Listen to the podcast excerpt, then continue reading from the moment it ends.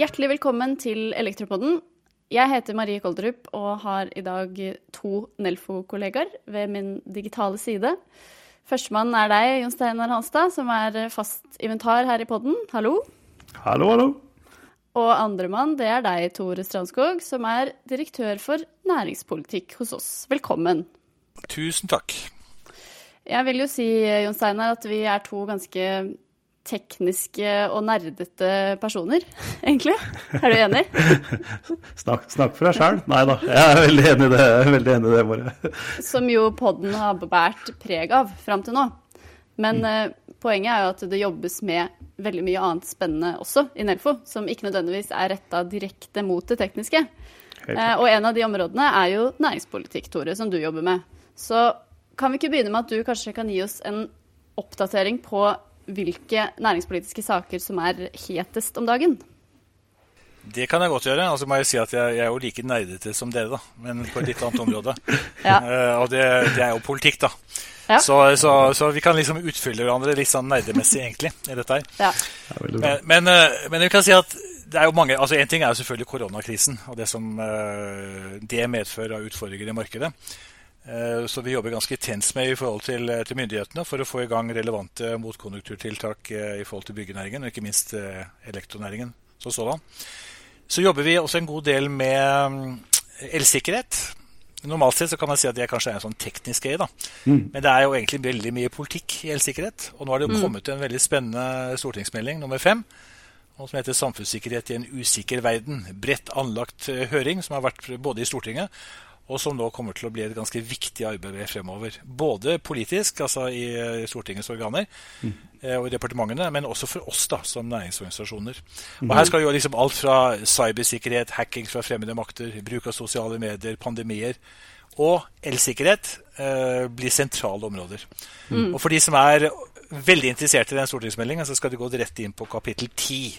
For mm. der står det om elsikkerhet. Så tenker jeg at vi også også altså, jobber vi veldig mye i dette med renovering av eksisterende bygningsmasse. EU eh, e har jo satt i gang et kjempearbeid på dette med det vi kaller for New Renovation Wave, som også vil påvirke Norge. Og Det betyr at vi da kommer til å jobbe veldig mye med rehabilitering av bygg. Og Alle vet jo at det største potensialet i rehabilitering av bygg det er jo de tekniske entreprenørene. altså Mellom 70-80% av volumet er jo de tekniske entreprenørene som står for på renovasjon. Mm. Og Der har vi et uh, kjempepotensial, og EU har lagt opp til en ambisjon om at vi kan, de skal doble renoveringsvolumet per år. Og Hvis mm. vi adopterer den målsetningen, så får vi et vanvittig volum også i det norske markedet, som ikke minst kommer medlemmene til gode. Mm. mm. Så de er vel sånn de nærmeste sakene.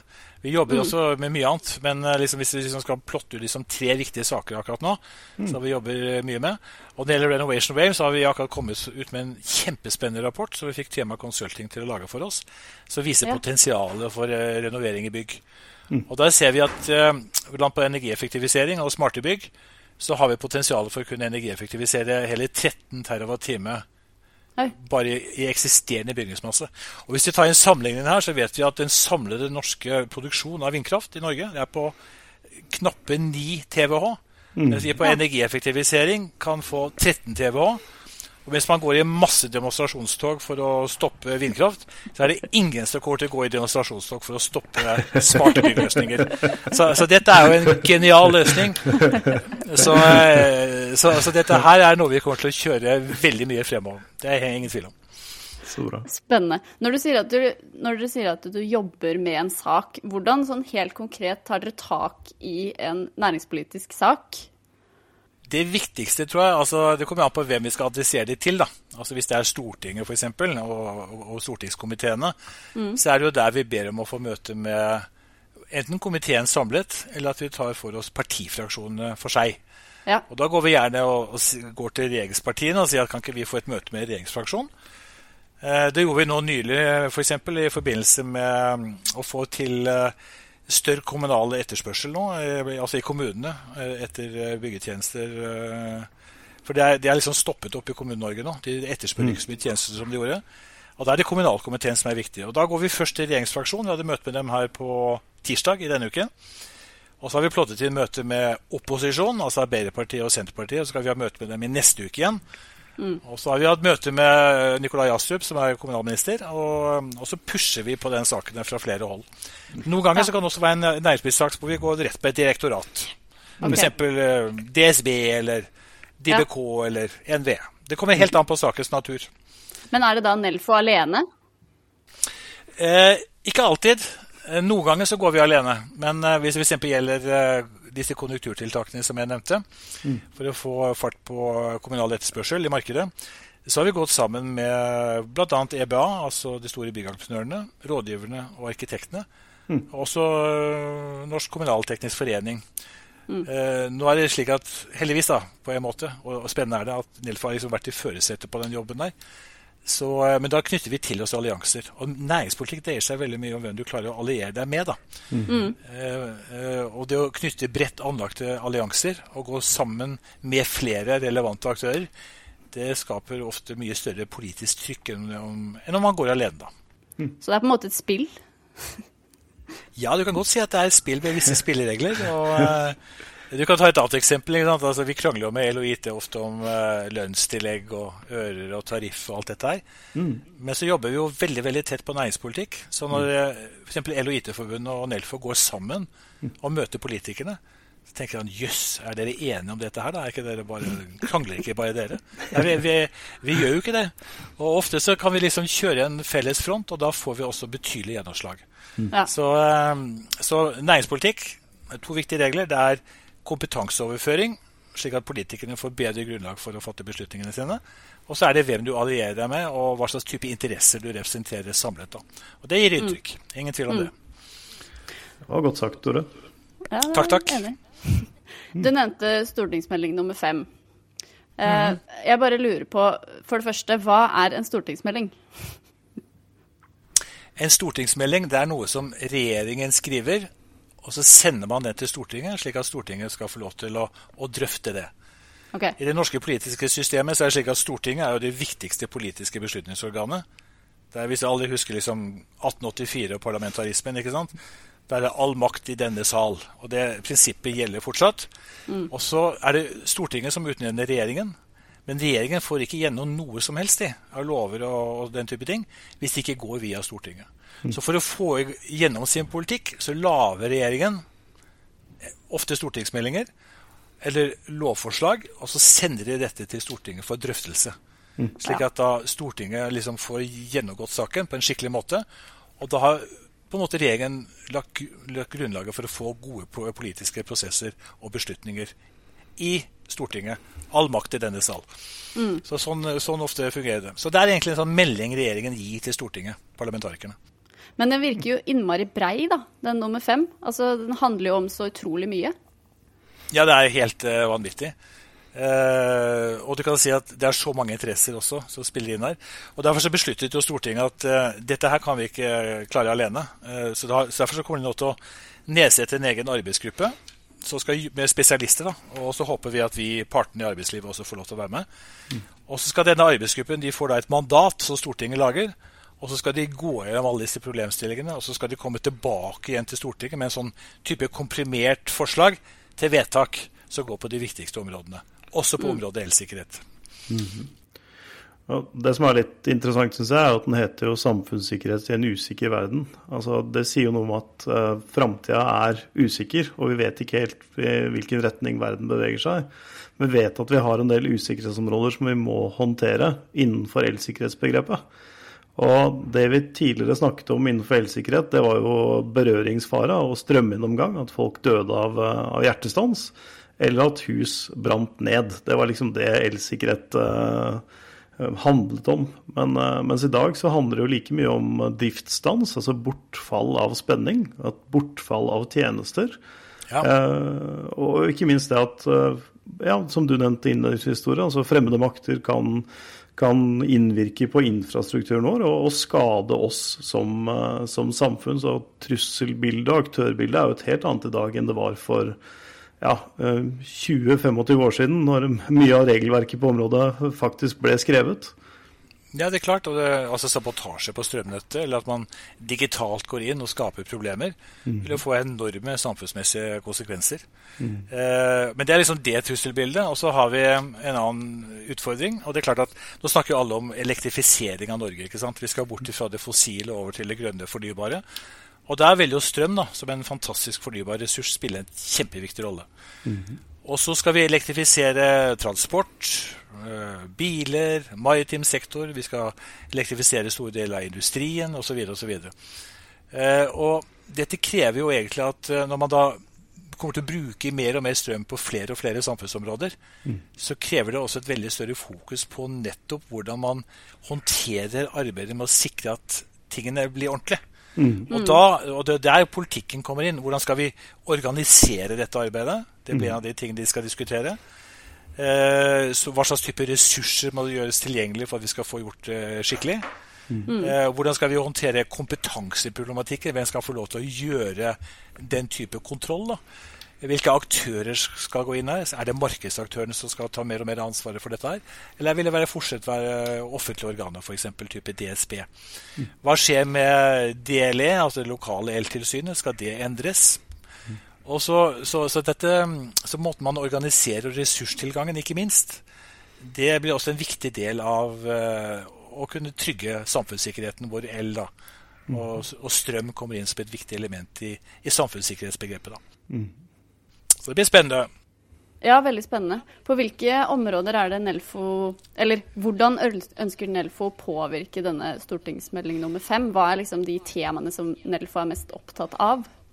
Ja, altså vi, vi, var jo i høringen, da, og da representerte jo Nelfo også LO IT-forbundet. Akkurat ja. det jeg nevnte i sted. Så jeg satt jo, Det er første gang jeg har gjort, faktisk, eh, hvor jeg faktisk i en sånn stortingshøring representerte både LO og Nelfo, og det var en artig opplevelse. Eh, men det vi fokuserte på i høringen, det var jo eh, punkt én. Vi er veldig opptatt av dette, hvordan arbeidet skal organiseres. I dag er det jo DSB som har et betydelig ansvar sammen med Nkom. Mm men det de foreslår nå, det er jo egentlig at de skal opprette et eget sånn superdirektorat som skal ta seg av dette her.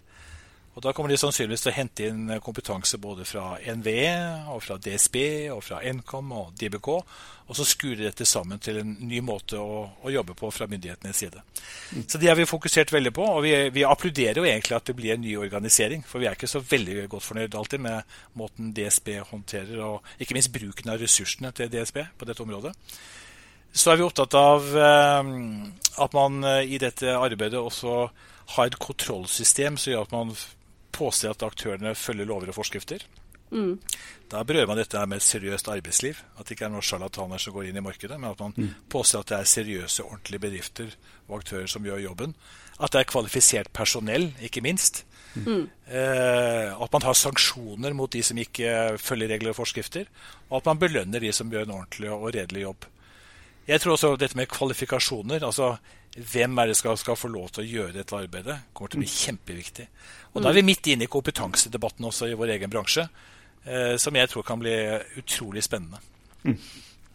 Så det er vel kanskje de viktigste temaene vi har fokusert på eh, så, så, langt. Og så kan det være sikkert andre elementer som kommer inn etter hvert.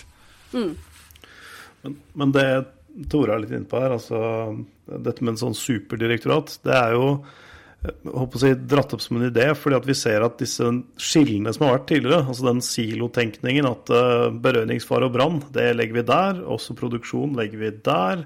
Og den sikkerheten legger vi der. Og så ser vi at samarbeidet på tvers ikke alltid er slik vi kanskje hadde ønsket, og at regelverket begynner å bli vel modent eh, for, for utskifting og fornying på mange områder. Mm. Så, så, det er jo noe av tankegodset for å opprette nettopp et sånn type superdirektorat. At man ønsker å bryte ned de barrierene som vi i dag ser, da, nettopp for den villede utviklingen som, som, som Tore er inne på her, med, med da Green Renovation Wave, altså ny produksjonsmetodikk, hele den, den pakken som ligger inni der, med styring og i det hele tatt. Ja, det er, og det er veldig mye som er på spill på en gang. Altså Ta bare mm. dette med byggkvalitetsutvalget, som også nylig avla sin rapport. Så det går veldig mye på unnskyld, dette på en ny sentral godkjenningsordning og kvalifikasjoner knyttet til det. Eh, hvor de også foreslår dette med f.eks. flere og flere lovbaserte yrkesfag. Altså I dag så er jo elfaget da kvalifikasjonsmessig underlagt gjennom lov. Det er det ingen andre fag som er. Så diskuterer man er det andre fag som også skal få måte bli lovpålagt. Ja. Dette vil også spille inn som et viktig element inn i arbeidet med, med elsikkerhet også.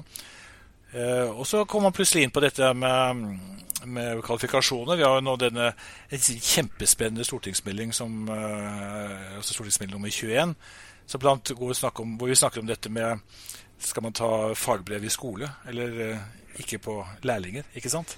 Mm. Eh, dette med læretid i bedrift, er det i ferd med å bli mer og mer uaktuelt? Eller hva skjer nå? Mm. Så er vi plutselig inn igjen, og Der ser man hvordan ulike typer beslutninger og prosesser på ulike typer områder også påvirker elsikkerhetsarbeidet.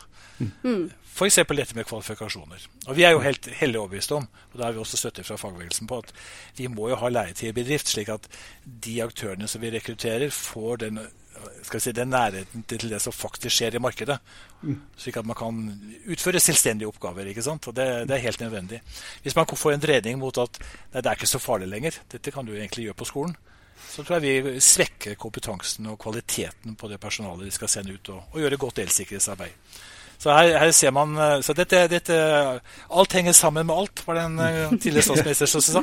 Ja. Så, så, så, vår oppgave er egentlig å se på de ulike tingene som skjer på ulike typer områder, og så må vi sette det sammen i en helhet. Mm. Hvordan ser prosessen videre ut nå med stortingsmelding nummer fem? Sånn tidslinja framover?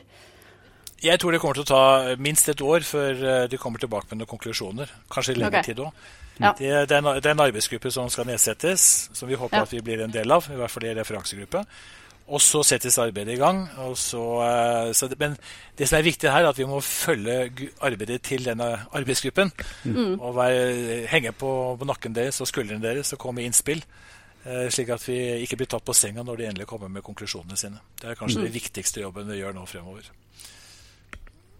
Så det blir, ja, det blir kjempespennende. og Det går jo midt inn i kjerneområdet hva Nelfor-bedriften også er opptatt av. ikke sant? Det er jo, mm. dette er, eh, og Hvis jeg reiser rundt på medlemsmøter og snakker om dette, så er det full attention. Det, er, eh, ja. det og kvalifikasjonskrav. Du var inne på dette med sektortenkningen, eh, Jon Steinar. Mm. Når du har forskjellige typer kvalifikasjonsregimer i ulike typer departement. Mm. DSB har sitt kvalifikasjonsregime, Nkom, DBK, og det er ikke alltid dette blir harmonisert så blir det, og Den problemstillingen blir også viktig inn i det arbeidet til den arbeidsgruppen som skal se på stortingsmelding nummer fem. Hvordan skal vi få et, el, et helhetlig kvalifikasjonssystem? Helt klart. Og dette påvirker våre bedrifter veldig veldig mye. altså. Absolutt. Det her tror jeg vi må ta noen flere podder om, Einar. Vi må invitere Tore igjen, og så må vi følge den prosessen ja. Eh, slavisk. Helt, helt klart. Helt klart. Vi Neste gang kan vi kanskje gå mer i dybden på hvert enkelt tema. Dette var jo egentlig bare sånn snapshot på ulike ja. typer områder. Ja. Det er mange, mange, andre områder også. Men jeg kommer gjerne tilbake. Dette syns jeg ja. var gøy. Det må du gjøre. Så bra. Så kan vi ta et nytt nerdebøtte. ja, det er bra. det er bra. Det er bra. Nei, men da, med, det, med de orda der, så må nerdegjengen eh, runde av for i dag. Så tusen hjertelig takk for at du stilte opp, Tore. Takk for at jeg fikk lov til å komme. Kjempegøy. Og tusen takk til deg som eh, hørte på. Så da sier vi ha det bra og på gjenhør. Takk for i dag. Ha det.